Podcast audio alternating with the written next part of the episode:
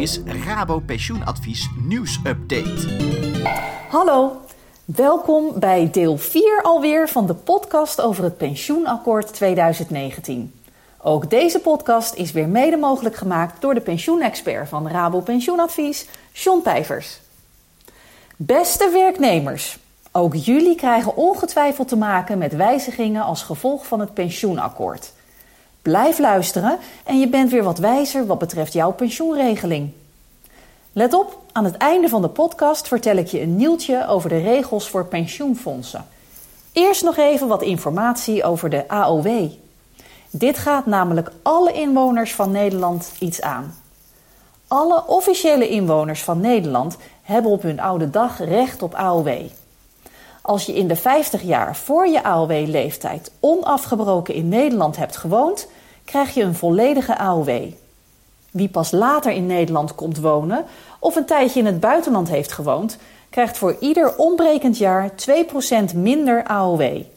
Dit kan eventueel worden aangevuld met aanvullende bijstand.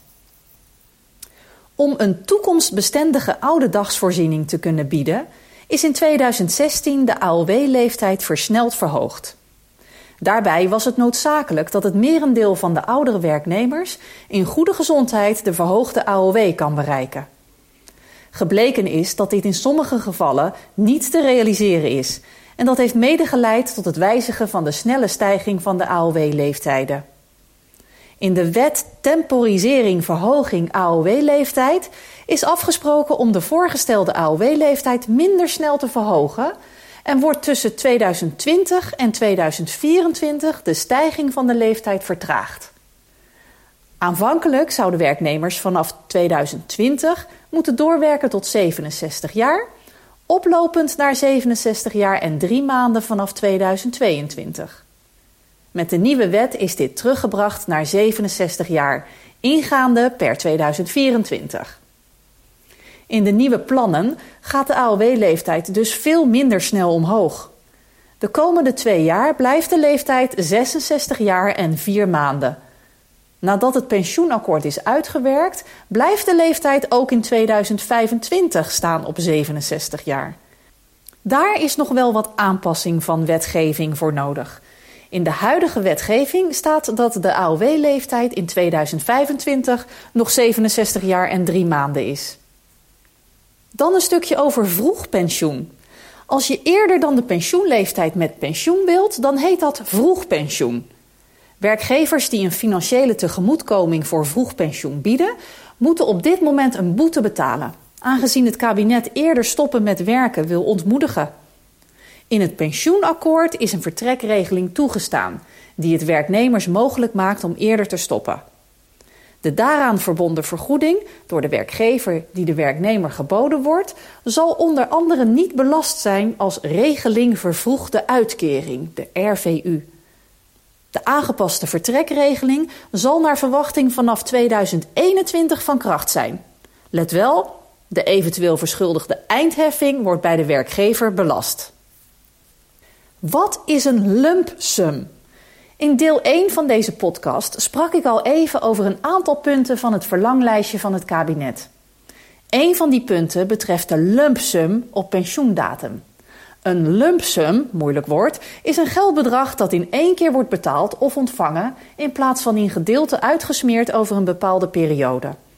Het is de bedoeling dat je straks op pensioendatum maximaal 10% van de waarde van jouw opgebouwde pensioenaanspraken in één keer mag opnemen. Over deze opname betaal je dan waarschijnlijk in één keer inkomstenbelasting en vervolgens kun je dit bedrag naar eigen inzicht gebruiken. Een mogelijkheid zou kunnen zijn om er gedeeltelijk je hypotheek mee af te lossen.